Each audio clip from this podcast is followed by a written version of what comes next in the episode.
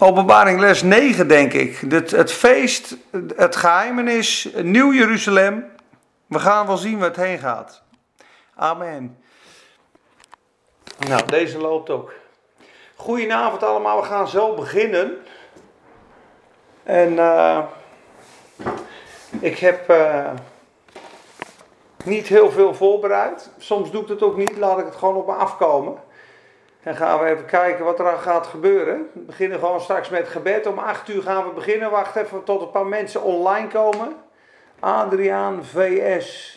Die ken ik niet. Je moet nu al lachen. Ik heb nog niks gezegd. Hallo. Juanita kijken op Facebook. Ja, mooi. We gaan het in ieder geval hebben over. Uh, hey Sam. We gaan het al hebben over het uh, nieuwe Jeruzalem. Over Babylon. Over de zegeningen over het, uh, het contrast. En uh, we zien wel wat heen gaat. In ieder geval hoofdstuk 19 van Openbaring. En uh, het weer nog een glaasje water voor papa pakken. Wil je dat doen? Dan gaan we zo beginnen. Openbaring 18 en 19. Ja. Is dit live? Ja, dat is live, Rudy van Zoeren is live maat. We doen al uh, 7, 8, 9 keer Bijbelstudies. En dan uh, gaan we gewoon het boek Openbaring behandelen. Een beetje begonnen in de coronatijd. We dachten dat we misschien nu nog binnen zaten, maar uh, het is gelukkig al wat afnemen. Hey Kevin, oude schilder. Goedenavond. Maar uh, we gaan zien wat vanavond gaat stranden. Het mooie schip. Het mooie schip. Oké, nou. We beginnen maar gewoon hoor. We beginnen de, we beginnen de Bijbelstudie met, uh, met gebed, zoals altijd. Vader in de hemel, wij komen tot u in de machtige naam van de Heer Jezus Christus. Heer, wij geloven dat u de koning bent, dat u onze vader bent. Wij roepen u aan, Heer, want als wij ergens heen moeten, dan moeten we naar u toe. U vroeg in uh, Johannes 6 aan Petrus en, en de discipelen: Willen jullie ook niet weggaan? Toen iedereen wegliep, toen zei Petrus: Waar zouden we heen gaan, heren? Want u hebt de woorden van het eeuwige leven. Waar moeten we heen zonder u? Iemand in de psalmen zegt: Wie heb ik in de hemel naast God? U bent het begin en het einde. U bent het alles wat wij zoeken. Heer, al beseffen wij dat niet, Heer. Maar u bent liefde. U bent de volmaaktheid van de schepping en de creator. U bent Heer, als er mensen van, van dieren houden, u hebt ze allemaal gemaakt, Heer. Sommige mensen zijn helemaal weg van bepaalde scheppingen. Maar u bent de schepper. En wij eren u. En wij vragen, Heer, of u met uw Heilige Geest deze avond, dit uurtje weer wil zegenen. Heer, we vragen uw zegen en uw bekwaamheid, uw woorden, uw stroom, uw aandacht over ieder die luistert. Ik bid het in de naam van Jezus. En ieder die luistert, ik zegen jou in Jezus' naam. Dat je verfrist en verkwikt mag worden. Dat je ontwaakt mag worden in het geloof. Dat je opgebouwd mag worden door het woord van vandaag. Want straks houdt alles op. Ik heb het vorige keer ook gezegd. De dingen die je ziet zijn tijdelijk. De dingen die je niet ziet zijn eeuwig. En Heer, u heeft een koninkrijk en u heeft een plan met alle mensen op aarde. En u wil dat niemand verloren gaat, maar allen tot erkentenis de waarheid komen. Heer, en dit is uw woord, dit is de waarheid. De hele Bijbel staat er vol van. Dat is de waarheid van Gods woord. Heer, u hebt een boodschap voor ons allemaal. U bent onzichtbaar in de geest, maar u bent zichtbaar geworden in het vlees door Jezus Christus, Heer. En u was de afspiegeling van de Vader. En wie Jezus ziet, die ziet het eeuwige leven, die ziet de Vader. En dat is mijn, mijn gebed voor vanavond, dat een ieder Jezus zal zien, zal horen, zal proeven in de woorden van vanavond. Heer Jezus, dank u wel dat u ons mee wil nemen en dat u iedereen aanraakt. In Jezus' naam. Amen. Nou, goedenavond iedereen die kijkt. Ik weet uh, uh, niet waar we gaan beginnen. Ik doe dat ook gewoon heel vaak in vertrouwen en geloof en heel vaak komende woorden. En soms voel je je heel zeker. Vorige week vond ik het super goed gaan en de boodschap was ook goed. De week ervoor was ik heel erg onzeker. En toen dacht ik, nou, dat was echt helemaal niks. Ik was er zelf van van slag, maar het bleek weer een geweldig woord te zijn. De Heer door je heen. Dus uh, het gevoel is eigenlijk niet zo, uh, is niet zo belangrijk. Maar soms kan je het helemaal voorbereid hebben en allemaal uh, strategieën bedacht hebben en in hokjes geplaatst. En dan ga je zitten en dan komt er een heel ander verhaal. En dan denk je, joh, wat maak je je toch druk? Wat ben je toch aan het zorgen? En nou goed, sommigen hebben dat natuurlijk al gehoord. Maar ik vind dan Efeze 6, 18 heel erg mooi of 6, 19, hè, dat, als, dat de woorden gegeven worden als, als je je mond opent. En we gaan gewoon de Bijbel openen en de psalmen zeggen, de opening van uw woord is licht. En we hebben vorige keer gepraat over Babylon. De afgelopen les hebben we een rehearsal gedaan van alle lessen die ervoor waren. Ik ben niet tot Babylon gekomen. Het laatste kopje op mijn notes vorige keer was dat de wereld rouwt om Babylon en de kerk juicht.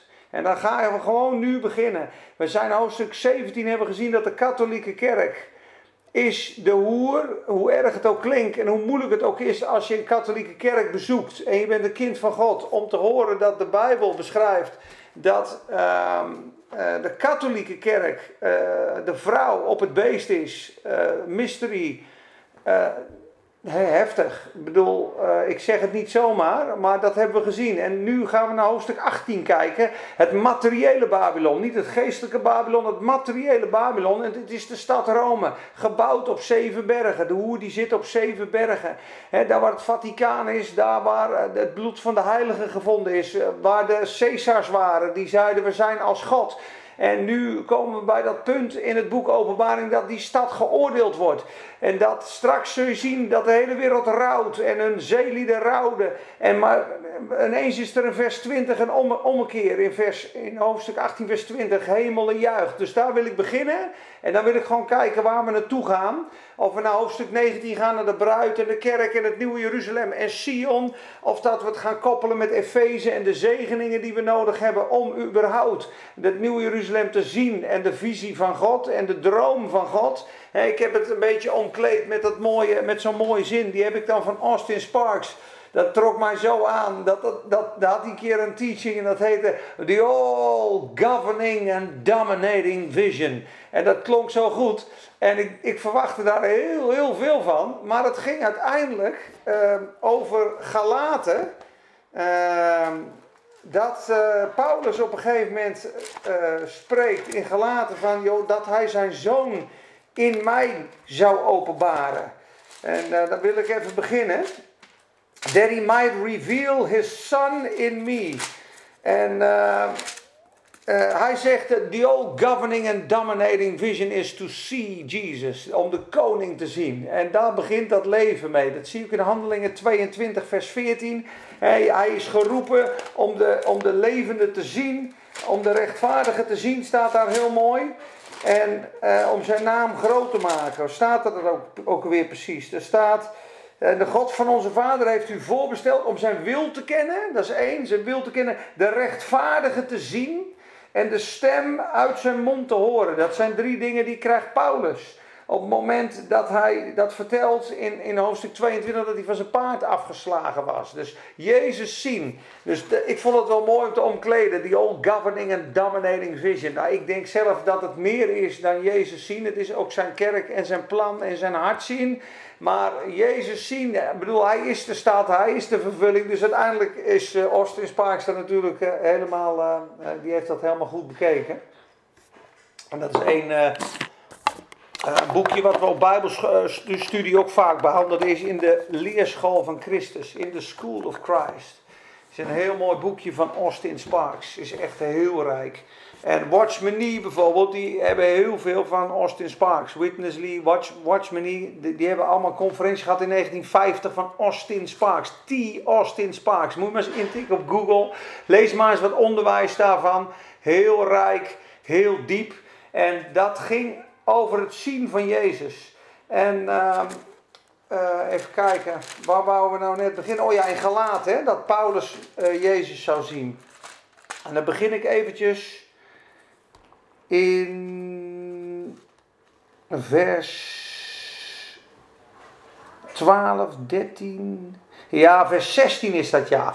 Galaten 1, vers 15 en 16. Maar toen het God die mij van de schoot van mijn moeder heeft afgezonderd en geroepen heeft door zijn genade, behaagde het zijn zoon in mij te openbaren, opdat ik hem door het evangelie onder de heidenen zou verkondigen. En ik ging niet te raden met vlees en bloed. Dus zijn zoon in hem te openbaren. dat is ook het geheim van Madame Guyon. Die was vroeger aan het zoeken naar God en naar God en naar God. En ze had zoveel depressie en moeite. En op een gegeven moment kwam er een dokter bij hun thuis. En, en, en die was vrij geestelijk. En haar moeder zei ook: vragen aan hem of hij je helpen. Want lieverd, het gaat niet goed mee. Ze had ziekte meegemaakt en dood en verlies en pijn en moeite. En ze zocht God. Komt trouwens uit de katholieke kerk, Madame Gouillon. Dus bedoel, de, de, de, liefste en zaligste kinderen van God kunnen uit de katholieke kerk komen. Alleen hoofdstuk 18 vers 4 zegt gewoon, komt uit haar vandaan mijn volk. Spreekt echt over die kerk. Dus, maar dat even tezijde. Madame Gouillon vroeg aan die dokter, wat kan ik doen om, om, om Jezus te kennen, om dichter bij hem te komen? Want ik zoek en ik zoek en ik zoek, maar ik vind maar niet. En toen zei hij tegen haar, heel simpel, hij zei, madame, I think you are looking outside for the things that are to be found within. Ik denk dat jij buiten aan het zoeken bent, buiten jezelf aan het zoeken bent, maar je moet zoeken naar datgene wat binnenin je is. Want de Heer Jezus is in je. Hij is in je geest, in je binnenste. En hij is zo ontzettend dichtbij dat je uh, met hem kan praten met inspanning van ademen. En dat werd het geheim van haar leven. In haar boeken schrijft ze op een gegeven moment over dat geheim dat ze heeft ontdekt. To live, om in de tegenwoordigheid van God te leven met de inspanning van ademen. Ik bedoel, hoe rijk en hoe mooi is dat? Om in de tegenwoordigheid van God te leven, onafgebroken met de inspanning van ademen. Zo verliefd op Hem geworden. Zo één met Hem. Intimacy with Christ. Deeper Dimensions of Christ. Dat zijn rijke boeken. Die zijn ook allemaal nog te krijgen. Hè? De, de, nou, ik weet het niet. Maar tik maar in. Madame Gouillon staat op nummer 1 of nummer 2 van de all-time boekenlijst. Christelijke boekenlijst. Uh, alle tijden. Madame Gouillon. Uh, Intimacy with Christ, volgens mij heet het. En je hebt nummer 1 is Brother Lawrence. Dat is, dat is iemand die, dat, dat is een, een monnik die onder zijn werk ook in de tegenwoordigheid van Jezus heeft leren wandelen en zo rijk was. En dat, dat boek staat gewoon in de all-time high top 1, Brother Lawrence. Zoek het maar op. Maar waar het om gaat is, um, en waar ik ook mee wou beginnen, is het zien van Jezus en de zegeningen. Want op het moment dat uh, Johannes die vier visies krijgt in openbaring, wat dus een moeilijk boek is voor veel mensen. Hè, een profetisch boek met heel veel beelden, met heel veel uh, linken met het Oude Testament, met het Nieuwe Testament, met heel veel geheimenissen, met heel veel symbolen, met heel veel getallen. Twaalf poorten, twaalf uh, sterren. Nou, we hebben zeven donders, zeven engelen, zeven schalen, zeven, uh, hoeveel keer niet de getallen. Het is moeilijk te begrijpen, maar we willen stap voor stap dat gewoon uh, door, doorgaan met ze, ja, doorleven met z'n allen eigenlijk. En gewoon lezen en zien, dat beetje voor beetje, dat er licht gaat schijnen. Als je zelf je Bijbel gaat lezen, er zijn vier hoofdvisies in het boek Openbaring. En vier keer staat er dat Johannes in geest was, in spirit. Ik werd in de geest meegenomen, is het hoofdstuk 1, vers 10, is de eerste. En Jezus laat hem de zeven kandelaren, de gemeente zien, dus de kerk. De tweede keer dat hij meegenomen wordt, is het over het oordeel over Babylon in hoofdstuk. Uh, uh, nee, trouwens, dat is helemaal niet waar. Hij wordt in hoofdstuk 4, vers 2 wordt hij opgenomen. Daar ziet hij het oordeel, de zegels die opengaan, dus de oordelen over de wereld. Dus het contrast 1 is de kerk en de wereld. En de tweede visie die hij krijgt is in hoofdstuk 17 is die in de geest en in hoofdstuk 18 en nee, in hoofdstuk 19. Ik weet niet precies de teksten, maar er staat vier keer, ik werd meegenomen in de geest, ik was in de geest en God toont hem vier visies. De eerste is dus de kerk, de tweede is het oordeel over de wereld, de derde is het oordeel over Babylon en de vierde is het nieuwe Jeruzalem. Het einddoel van de Bijbel, de grote droom van God dat wij uh, zijn bruid zijn. En we zullen straks zien dat zijn, die stad die uit de hemel naar beneden komt, dat zijn wij. Dat is het Nieuw Jeruzalem. Dat is zijn bruid.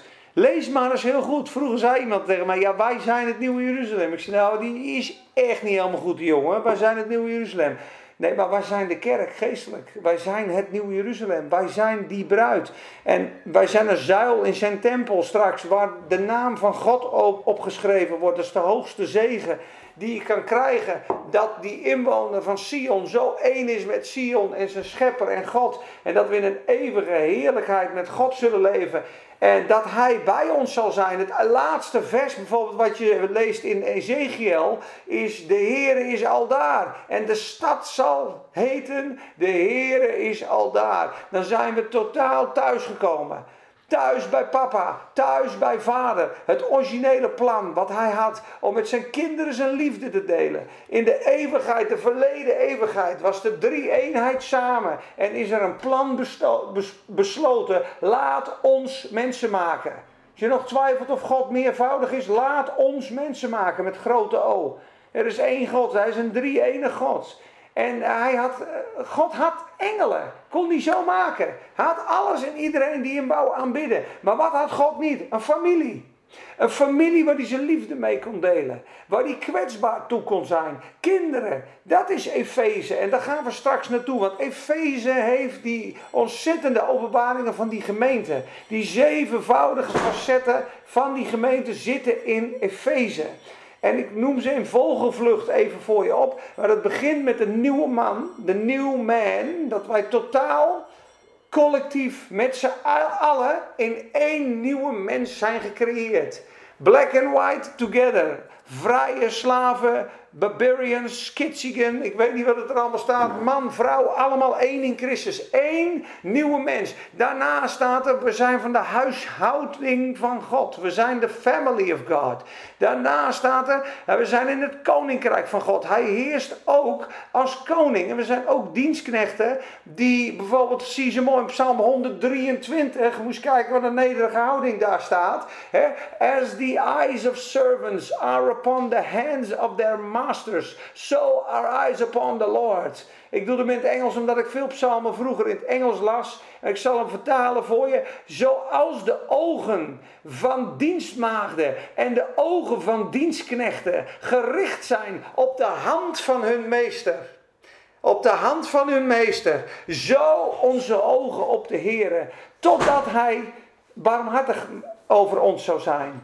Totdat hij zijn genade over ons zou tonen.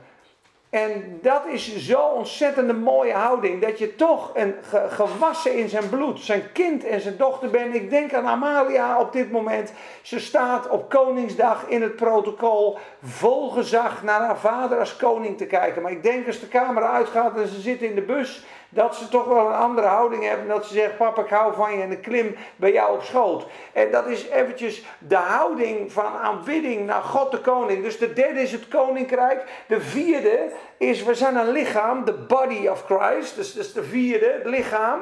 He, lichaam, als één lid leidt, leiden alle leden. En dan vijf is de bruid, Efeze 5, de bruid. En dan hebben wij op een gegeven moment het leger nog... En wat hebben we? De stad, de woonsteden van God. Wij zijn de stad. Einde van Efeze 2. Dus er zitten zeven facetten in de gemeente, uh, van de gemeente in Efeze. En ik denk, als je die lijnen goed legt, dat je ze allemaal terugvindt in de openbaring. Want het leger en de bruid en het koninkrijk en de familie, dat, dat zie ik al zo gebeuren. Maar daar wou ik beginnen, omdat Ehm, Gods einddoel is bij ons wonen, bij ons zijn. Als een vader, als een familie, als een koninkrijk. En daar heeft hij alles voor over gehad. En hij heeft zijn zoon gegeven. Hij bidt en pleit voor ons. En hij had een droom om die liefde met ons te delen. En kinderen, dat had God dus niet. En kinderen hebben ook nog vrije wil om hem af te wijzen of hem lief te hebben. Dus God zoekt, of Gods hart raakt het, en ik denk als vader en moeder ook van ons, dat je kinderen je onvoorwaardelijk lief hebben om wie je bent. En uh, zonder vrezen, zonder angst. En ik hoop dat we er allemaal toe mogen komen. Dat, je, dat we God gaan kennen zoals die is. Dat we zijn heerlijkheid, zijn glorie mogen zien. Dat we zijn wonderkracht mogen ervaren. Dat we zijn scheppingskracht mogen ervaren. En dat wij van hem genieten. Genieten van Hem, met Hem wandelen en leven zoals het behoort. Want God vindt het geweldig als wij ontspannen zijn en zijn zegeningen ontvangen. Dat wij Hem lief hebben. Dat we genieten van Hem zoals Hij van ons geniet. En wij hebben zo'n ontzettende verkeerde inslag. En ik ook. En we hebben er allemaal last van. Godsdienstig gedrag. Een angst naar God. Een, een, een, een, een, een wetticisme. Een religiositeit. Een, een straffende uh, vader die ver weg is. Maar ik hoop en ik bid en ook voor mezelf dat de liefde die de Heer Jezus voor ieder van ons heeft, dat die in ons hart openbaar mag komen. Iemand zei een keer tegen mij dat hele evangelie, alles wat Jezus gedaan heeft, daar kan je zo mooi achter zetten. Ja, en dat deed hij omdat hij jou lief heeft. Hij wil jou redden. Hij heeft mij lief. Hij heeft jou lief. Hij heeft zichzelf gegeven in de dood. Die zichzelf gegeven heeft voor onze zonde, om ons te redden uit deze kwade wereld, naar de wil van God. Nog toen wij nog zondaren waren, God demonstreert zijn liefde hierin. Dat Christus voor ons stierf toen wij nog zondaren waren. En Efeze zegt dat ook zo mooi, hè? Efeze. Efeze 2, vers 4. Maar God, die rijk is in barmhartigheid, moest lezen, heeft ons door zijn grote liefde, waarmee hij ons heeft liefgehad, ook toen wij dood waren door de overtredingen, met Christus levend gemaakt. Uit genade bent u zalig geworden, bent u gered. En hij heeft ons met hem opgewekt. En met hem in de hemelse eh, gewesten gezet in Christus Jezus. Let op, rijkste vers voor mij, bijna van de Bijbel. Efeze 2, vers 7. Opdat hij in de komende eeuwen, ja, de alles overtreffende rijkdom van zijn genade zou tonen, zou bewijzen. Door zijn goede tierenheid over ons in his kindness, staat er nog achter in het Engels. In zijn vriendschappelijkheid, in zijn vriendelijkheid in Christus Jezus. Dus dat in de coming ages de coming ages, de komende eeuwen, God zijn onuitsprekelijke rijke genade aan ons zou tonen. Door zijn liefde die hij voor ons heeft in Christus Jezus. Door zijn vriendelijkheid. Maar kijk eens wat er allemaal staat. Dat hij in de komende eeuwen de alles overtreffende rijkdom van zijn genade zou bewijzen. Door de goede tierheid over ons in Christus Jezus. Want uit genade bent u zalig geworden. Door het geloof. En dat niet uit uzelf. Het is een gave van God. Dus de, de genade van God is zo groot dat we eeuwigheden op eeuwigheden nodig hebben om die liefde en die oneindige rijkdom van zijn genade. Die alles verpulverende genade. Die de zonde vernietigd heeft. Die de dood vernietigd heeft. Die Satan vernietigd heeft. Die zichzelf uitgegoten heeft in de dood. Voor mij, voor jouw zonde. Die Satans kop eraf gehakt heeft. Die de angst van de dood heeft overwonnen. De angel van de dood. alles heeft hij gebroken in zijn opstanding. En dat heeft hij gedaan omdat hij verlangt naar jou en mij.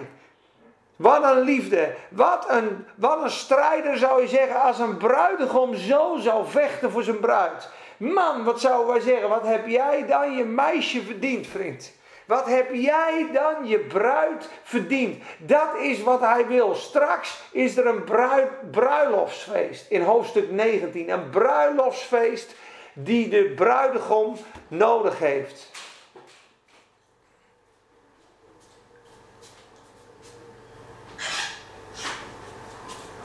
Ja.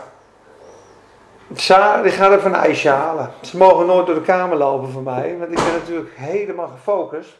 En daarom doe ik het liever op kantoor. Maar het kantoor is dicht. Dus dan zei ik, nou dan doe ik het wel s'avonds thuis in de kamer. Maar goed, de ijskeboer staat hier. Dus ze zijn al drie, vier keer langs gelopen. Kijk helemaal niet tegen, maar goed. Halleluja. Uh, maar goed, God heeft zichzelf gegeven in de dood. Heeft, Jezus is tot het einde gegaan. Hij had hen lief tot het einde toe, staat er in Johannes 13. Zelfs de, de, voeten van Judas wassen. Hij had zijn meisje, de bruid, even plat gezegd hè. Even spakenburg gezegd, had zijn meisje, ja, zijn bruid zo lief dat hij het waard vond om daarvoor te sterven. En om in ons, ja, in ons, alle rotzooi in ons ook nog eruit te halen in die heiligmaking. Ik hoor van iemand die zei, Peet, de Heer Jezus gaat ook nog door heel veel dingen heen in jou. Wat jij zegt, wat jij doet. Hij bidt en pleit voor jou. Hij is een hoge priester. Hij zorgt dat hij je straks als een reine maagd aan Christus zal uh, toebehoren. Dat, dat, dat is ook het werk van Paulus.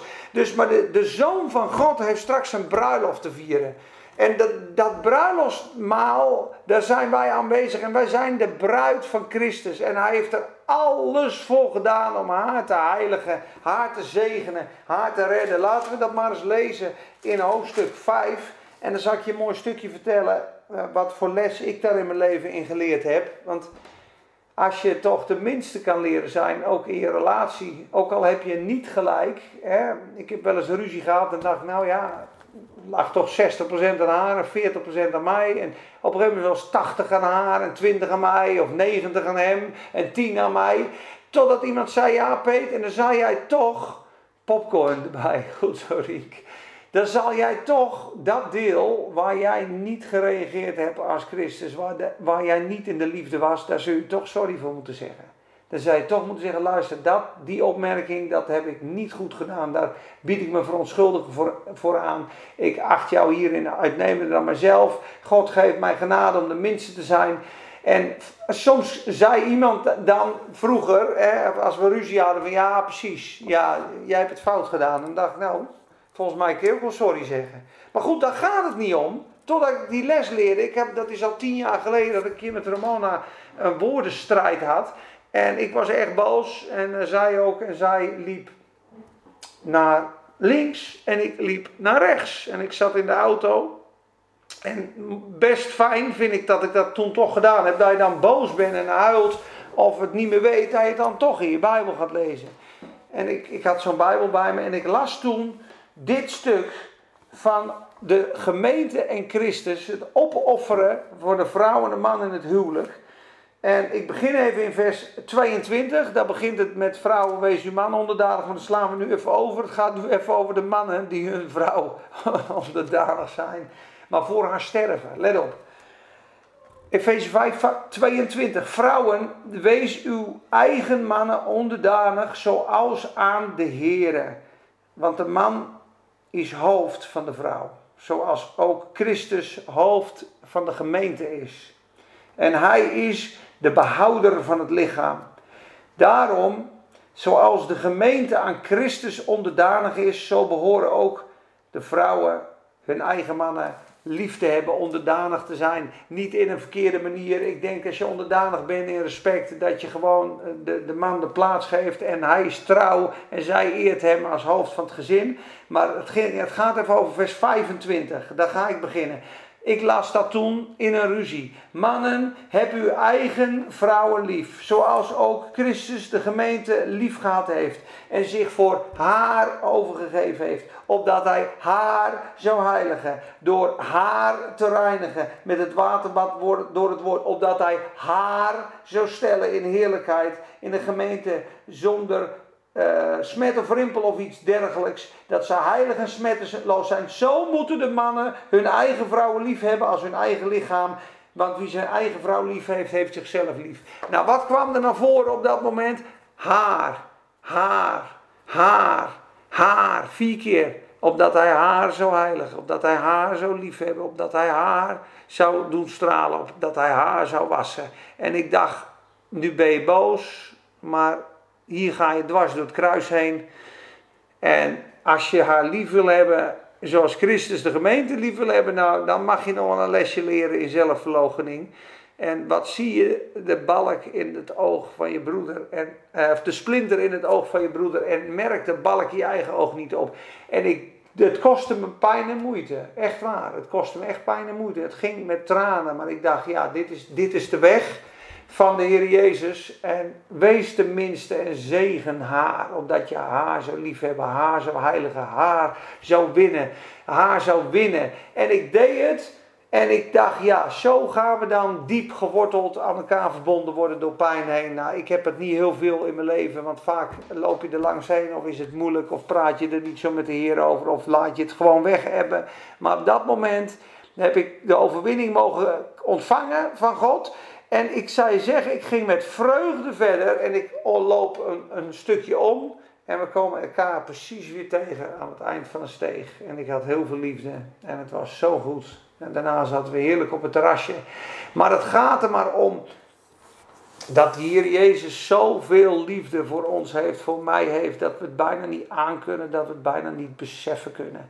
Dat Hij ons zo door en door lief heeft, door en door kent, door en door lief heeft. Een sterk verlangen, vurig verlangen, biddend en pleitend. De kinderen die God mij gegeven heeft, waar hij zijn bloed voor gegeven heeft. Ik heb hen gekocht. Ik heb hen betaald, want ik wilde hen. Wat waren ze mij waard? Mijn leven en mijn bloed. Hoe hoog is hun waarde? Mijn leven en mijn bloed.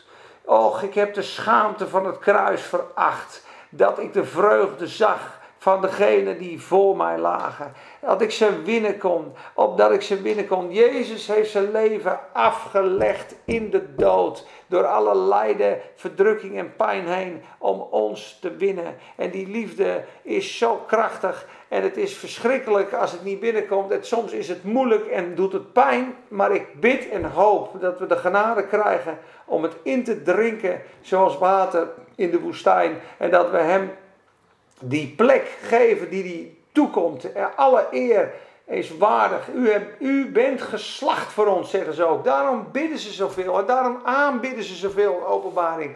U bent het waardig, want u bent voor ons geslacht en hebt ons gekocht met uw eigen bloed. En ik heb dat ook eens een keer van de Heer gekregen. Toen zei die maat, ja, laten we zeggen dat ik zo praat in mijn drugstijd. Als je nou een auto gaat kopen en die is 30.000 euro waard, dan geef je er toch geen 2 ton voor? Nee, natuurlijk zou ik dat niet doen. Dus de, de prijskaart die op de auto staat bepaalt de waarde van de auto. Ja, waarmee ben jij gekocht? Met het bloed van het lam. Met het bloed van Christus. Geen uh, onvergankelijke dingen als zilver en goud, zegt Petrus. Maar met het kostbaar bloed van Christus bent u gekocht. Wat was het prijskaartje wat aan jou en mij dan hing? Als het alleen het bloed van Christus is, hoe hoog is dan uw waarde? Het is niet te kopen met miljoenen, miljarden. God kon alleen, alleen ons vrijkopen door het bloed van zijn eigen zoon. Als een smetteloos lam. Onwaarschijnlijk waardevol voor God. Ondoorgrondelijk waardevol voor God.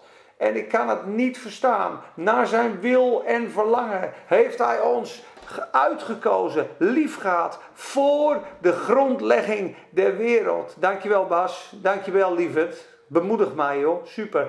Maar voor de grondlegging der wereld, dat, die, dat hele plan, dat gaan we lekker lezen in Efeze 1. Ja, wat een inleiding. Halleluja. De lofzang op Gods welbehagen, dat begint Efeze. Efeze is een romance, is een brief en het speelt zich af de, de gemeente is in de hemelse gewesten en ze beginnen met de zegeningen van God. Hij vertelt ze eerst, dit is er gebeurd in Christus. Dit heeft Jezus voor jou gedaan. En let op hoe het begint. Gezegend zij de God en Vader van onze Heer Jezus Christus, die ons reeds gezegend heeft met alle geestelijke zegening in de hemelse gewesten. Ja, let op alle geestelijke zegening in de hemelse gewesten in Christus. Ja? Dan komen de, de eerste zegeningen van de Vader, dan van de Zoon, dan van de Geest. De eerste is uitgekozen omdat Hij ons voor de grondlegging van de wereld heeft uitgekozen uitgekozen, opdat wij heilig en smetteloos voor Hem zouden zijn in de liefde. Hij, de Vader, heeft ons voorbestemd om als zijn kinderen aangenomen te worden door Jezus Christus in zichzelf, overeenkomstig het welbehagen van zijn wil, overeenkomstig de dream staat er. Overeenkomstig het hartsverlangen van God. Ik wil je hebben, ik wil je adopteren, ik wil je zo graag in mijn armen sluiten. Dit is hem. Hij heeft ons voorbestemd om als zijn kinderen aangenomen te worden. Tot lof en eer, heerlijkheid van zijn genade. Waar hij, ons mee begenadigd heeft in de geliefde. Er staat hier karitu in het Grieks. betekent highly favored.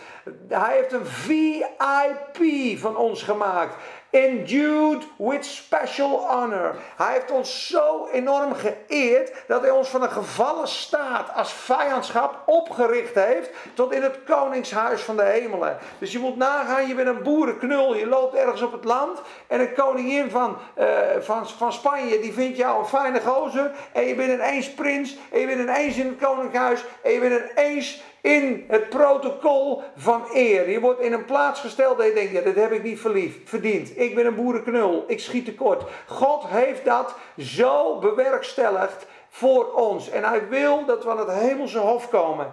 Aan de hemelse eettafel. Eten van hem, genieten van hem. Als zonen en dochters. Vol van genade waarmee hij ons begenadigd heeft, aanvaard heeft in de geliefde. He has accepted us in the beloved. Niet op grond van jouw daden, maar op grond van Jezus in die geliefde. Zoals hij Jezus lief heeft, heeft hij ons lief. Die oude Adamitische natuur heeft hij vernietigd aan het kruis. En nu kan hij ons gunstig gezind zijn in Christus, doordat de straf voor de zonde betaald is en het satanische deel, de zonde, uitgeschakeld is. God heeft niks meer met die zonde van tussen ons. Het zondeprobleem is opgelost. Het satanische probleem, het adamitische probleem is opgelost. Het wereldprobleem ook. Hij zegt, je bent welkom. Ik heb voor jou betaald. En ik wil niets liever dat je aan de tafel komt zitten van het hemelse koninkrijk. En dat je me om mijn armen vliegt. Want zo vloog die vader, die verloren zoon, om zijn armen. Hij deed zijn rok omhoog. Oneervol sprinten deed hij. Een oude vent van 70 jaar sprintte nooit in het oude Israël. Hij rende die zoon om de hals. Hij kuste hem, gaf hem schoenen, gaf hem een ring. Weet je, dat betekent een ring. Autoriteit en gezag. Alles wat ik heb, heb jij ook. Waar jij je stempel op zet, daar geef ik mijn goedkeuring over. Dat deed hij. En zo aanvaard zijn we. En dan mogen we in wandelen. En dat, en dat schaamtevolle gedeelte, dat minderwaardige gedeelte, dat angstvallige, twijfelige gedeelte in ons, moet, mag sterven. Mag je afleggen. Het is afgelopen met de zonde. Het is afgelopen met de schaamte. Hij hing naakt aan het kruis. Ik heb jouw schaamte gedragen. Ik heb jouw schande gedragen. Ik heb jouw vloek gedragen met mijn doornenkroon. Ik heb jouw ziekte gedragen met mijn striemen. Ik ben voor je in de dood gegaan. Ik heb de zonde, heb ik, hij is tot zonde gemaakt. Dat je mijn mantel van rechtvaardigheid aan mocht krijgen. Ik ben helemaal tot het gaatje voor je gegaan. Dat is de Heer Jezus. En toen zegt hij, kom aan mijn tafel. Kom aan mijn tafel.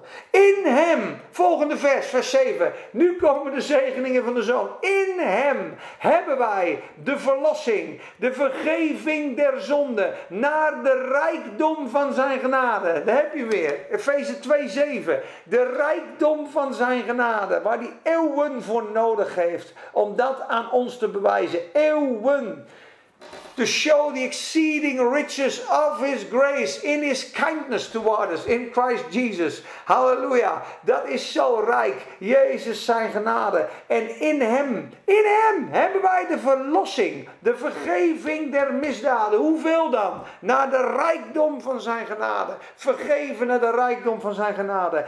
Overeenkomstig die genade heeft hij ons ook overvloedig geschonken in alle wijsheid en bedachtzaamheid. Toen hij overeenkomstig zijn welbehagen, dan komt hij weer, dat is het plan, dat hij in zichzelf voorgenomen had om het geheimenis van zijn wil bekend te maken, om in de bedeling van de volheid van de tijden alles weer in Christus bijeen te brengen, zowel wat in de hemel is als op de aarde. Dat is totale harmonie, dat is totale vrede, alles bijeenbrengen in Christus. In hem zijn wij ook een erfdeel geworden, wij die daartoe bestemd waren, naar het voornemen zie weer het hartsverlangen van hem die alle dingen werkt overeenkomstig de raad van zijn wil. Opdat wij tot lof van zijn heerlijkheid zouden zijn. That we should be to the praise of his glory. Dat God zijn glorie laat zien, zijn schoonheid, zijn liefde en heerlijkheid. En dat wij applaudisseren. daar komt het eigenlijk op neer. Dat de Heer dus zijn grootheid laat zien en we zeggen, jongens, U bent geweldig. U bent het waard.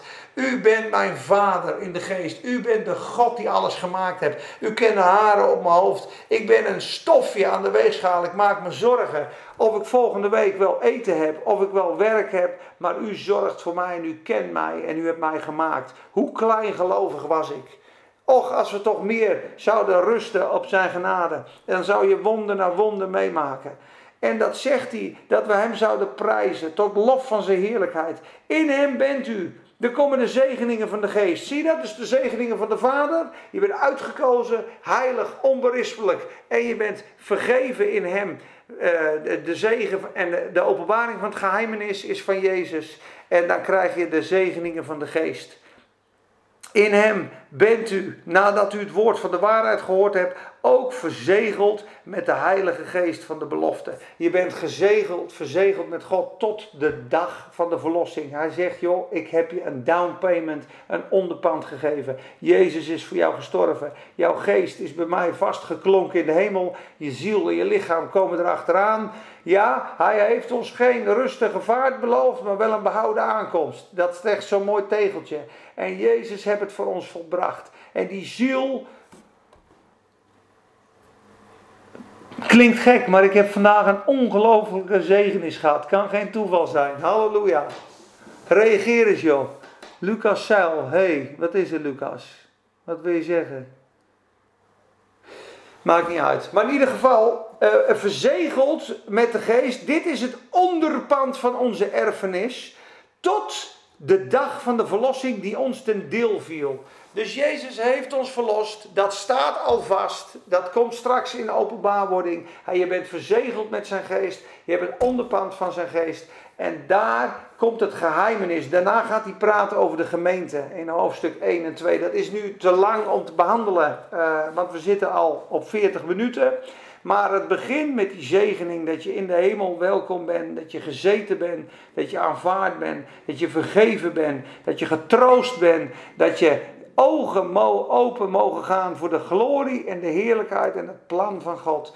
En dat plan is dat die gemeente straks met Jezus zo vervuld wordt van zijn volheid. Wij zijn eigenlijk gemaakt om te stralen met God, om Gods goedheid en glorie te weerspiegelen. En ieder mens heeft een stukje van de heerlijkheid van God. Wij zijn met z'n allen de kinderen van God, het gemeenschappelijke kind van God alleen. Het, het moeilijke ervan is dat wij kunnen allemaal geboren worden uh, uh, in, door onze aardse vader, maar je wordt niet automatisch geboren in het koninkrijk van God. Daar is een wedergeboorte voor nodig. Door de Heilige Geest. En God roept iedereen.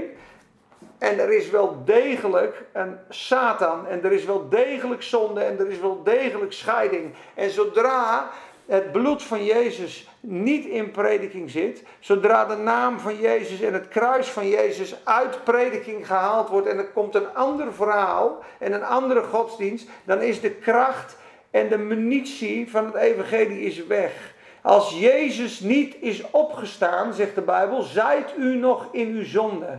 Dan is onze prediking ijdel, is uw geloof ijdel. Dan, als Christus niet is opgestaan, dan zijn wij leugenaars en dan valt alles uit elkaar. Er moet een opstanding plaatsvinden in ieder mens. Er moet ook een ommekeer plaatsvinden in ieder mens. Daarom prediken we. Daarom zeggen we ook mensen, lees het evangelie.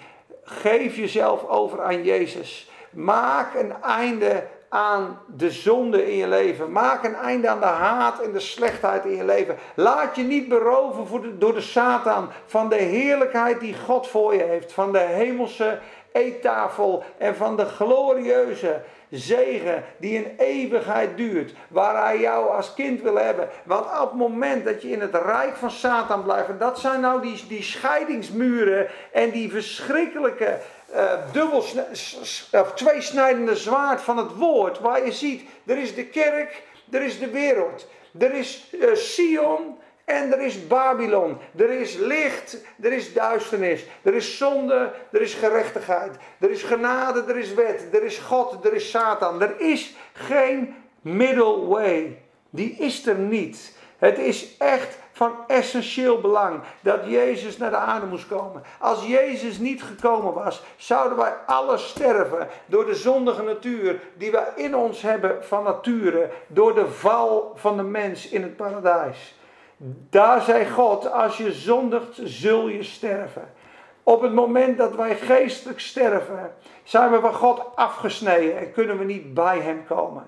Ja, op het moment dat Jezus alles weer goed maakt en je komt door de Heilige Geest bij God, word je opnieuw geboren. Ieder mens moet opnieuw geboren worden. Dat is echt wat ik je zeg. Ik bid het je toe. Ik hoop dat God het je laat zien. Je hebt de Heilige Geest nodig. Je hebt het geloof in Jezus nodig. Je hebt een opstanding uit de doden nodig, een vergeving van zonde en een Heilige Geest in je. Dat is wat Jezus ook zegt. Bekeer u en geloof het evangelie. Dit is wat Petrus spreekt. Bekeer u, laat u dopen en u zult de gave van de Heilige Geest ontvangen. En zoveel als de Heer, uw God, u roepen zal. Want God wil ons naar zich toetrekken, maar van nature zijn wij vijanden van God. Er zijn heel veel mensen die kunnen deze boodschap niet verdragen. Of die denken, joh, hij raaskalt maar. Of hij zegt maar wat. Of ik ben toch een goed mens. Luister, als Jezus, uh, als God ons had kunnen redden buiten Jezus om op goede werken, had hij Jezus nooit gestuurd. Als het kruis niet nodig geweest was, had God nooit zijn zoon laten martelen en uh, aan het kruis geslagen voor ons. Had hij nooit gedaan. Als het zomaar kon op andere basis, dan had hij gezegd: Jongens, ik vergeef jullie, ik ben barmhartig, jullie hebben een paar fouten gemaakt.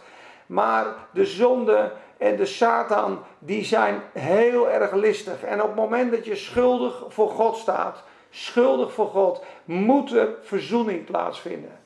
En die kan alleen plaatsvinden door het bloed en het offer van de Heer Jezus Christus. Er is één basis waarop God vergeeft. Luister goed naar me. Er is één basis waarop God vergeeft. Het bloed van Jezus Christus is het enigste zoenmiddel, het enigste redmiddel, het enigste medicijn, het enigste tegengif tegen Satan en de zonde is het bloed van de Heer Jezus Christus. Hoor wat ik zeg. Dit is essentieel. Er is geen enkele andere manier om redding en zaligheid te verkrijgen dan door het bloed van Christus, dan door het kruis van Jezus. Want vroeger smeerden ze het bloed op de posten van de deuren in Egypte en de doodsengel ging voorbij als hij het bloed zag. Door geloof in zijn bloed, Romeinen 3, heeft hij ons zalig gemaakt. Niet door werken der gerechtigheid die wij gedaan zouden hebben, maar door zijn barmhartigheid. Door de wassing van de Heilige Geest en het bad der wedergeboorte. Door de, de, het bloed van het lam. Enkel en alleen door Jezus kan je vergeving van zonde ontvangen. God heeft dat bepaald. God heeft gewoon gezegd. Er is ieder mens is schuldig. Of je nou twee fouten hebt of 300.000 fout. Wij zijn allemaal schuldig. Geen één is rechtvaardig. Ik zorg zelf voor het zondoffer. Ik draag de straf van de zonde. Ja, ik word zonde. En ik heb gewoon gezegd dat er één man aange, aangewezen is om te oordelen over de levenden en de doden. Dat is Jezus Christus. En allen die Hem geloven en vertrouwen, zullen vergeving van zonde ontvangen. En allen die Hem afwijzen, kunnen niet tot vrede en verzoening komen met God. En dat is van essentieel belang. Daarom moest Jezus komen. En dat is het begin van de prediking. Want hij wil ons zonen en dochters maken. En een koninkrijk van priesters, zoals we gelezen hebben. En ons opbouwen in een lichaam. En ons als een lichaam doen functioneren onder het hoofd. Zoals Christus het hoofd is. En we zijn die bruid. En we zijn het leger. En we zijn die stad. En we gaan stralen met de glorie van God. Dat de, dat de machten de duisternis. Efeze 3. Dat is het plan, hè? Efeze 3. Moet je kijken wat Paulus zegt over zijn, over zijn bediening in apostelschap. Moet je nagaan dat Paulus een vervolger van de gemeente was. Ik gaf mijn woord als ze omgebracht werden. Ik was een lasteraar. Ik trok uit huizen. En ik met naijver vervolgde hij ze 600 kilometer op een paard. Hier vandaan naar Damascus. En hier vandaan naar Parijs van ons. Vervolgde hij de christenen die zijn naam aanroepten. Tot in ver, heinde en ver had hij brieven. En hij is aangeraakt door Jezus van zijn paard geslagen. Drie dagen blind was hij. En hij werd gevonden door Ananias. En die zei: Paulus, ga naar, de straat, naar die straat. En hij werd gedoopt en de schellen vielen van zijn ogen. Hij, hij die thans het evangelie vervolgde, preekt nu het evangelie, zeggen ze in Galaten. Daar waar we begonnen, dat hij zijn zoon zal openbaren in mij. Paulus, de grootste vervolger van de gemeente, wordt omgedraaid. En wordt de apostel van de genade. En die zegt hier, nadat hij gered is en gewassen is. Ik ben een dienaar geworden, krachtens de gave van God die mij gegeven is, naar de werking van zijn kracht. Efeze 3:7. Mij, de allerminste van alle heiligen, is deze genade gegeven om onder de heidenen door het evangelie de onnaspeurlijke rijkdom van Christus te verkondigen en allen te verlichten. To make all men see, zegt hij. To illuminate, opdat zij allen mogen begrijpen wat de gemeenschap van het geheimenis inhoudt. Dat door de eeuwen heen verborgen is geweest in God, die alle dingen geschapen heeft door Jezus Christus. Wat is dat geheimenis? Vers 10. Opdat nu door de gemeente aan de overheden en machten in de hemelse gewesten de veelvuldige wijsheid van God bekend zou worden volgens het eeuwige voornemen dat hij gemaakt heeft in Christus Jezus onze Heer. Moet je nagaan. Volgens het eeuwige voornemen wat hij gemaakt heeft in Christus Jezus. Het eeuwige plan van God. Het eeuwige doel van God. Als we het hebben over die all governing and dominating vision, dan is het dit. Dan is het dit. En dat die door de gemeente de veelvoudige wijsheid van God bekend maakt. Dat iedereen straalt in zijn gaven. Dat iedereen lief heeft. Dat iedereen verfrist en verkwikt en gesterkt in de geest. De glorie van God en het koninkrijk van God vestigt. Dat hij geëerd wordt. Dat hij gezien wordt in de gelovigen. Door ons heen. Dat de Satan vernederd wordt. En dat die kerk oprijst als een leger, als een bruid. En dan dat grote eeuwige feest. De bruid is een bruidegom. De bruidegom die stierf voor zijn bruid. Die haar heiligde met zijn liefde. Die haar voeten waste. En die haar dag en nacht omkleden. Die als een priester over haar dient, over haar waakt dag in dag uit zijn goedheid uitgiet. En wij maar weglopen. En wij maar pijnigen. En wij maar moeilijk doen. En wij maar twijfelen en zorgen maken. En hier zijn. Ik bid en hoop dat we opgetild mogen worden. Dat we opstijgen als een arend. Dat we een visie hebben. One church, one bride, one city. Dat eeuwige voornemen is om collectief Satan en de wereld Babylon te breken. En het nieuwe Jeruzalem te vestigen in vrede, heiligheid en liefde. Amen. Ik denk dat we het hierbij moeten laten. En als er nog vragen zijn, ik blijf even online voor een paar vragen.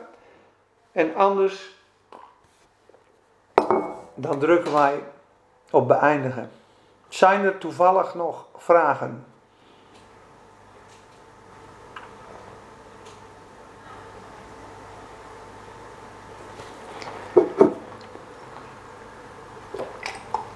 En toen was het stil.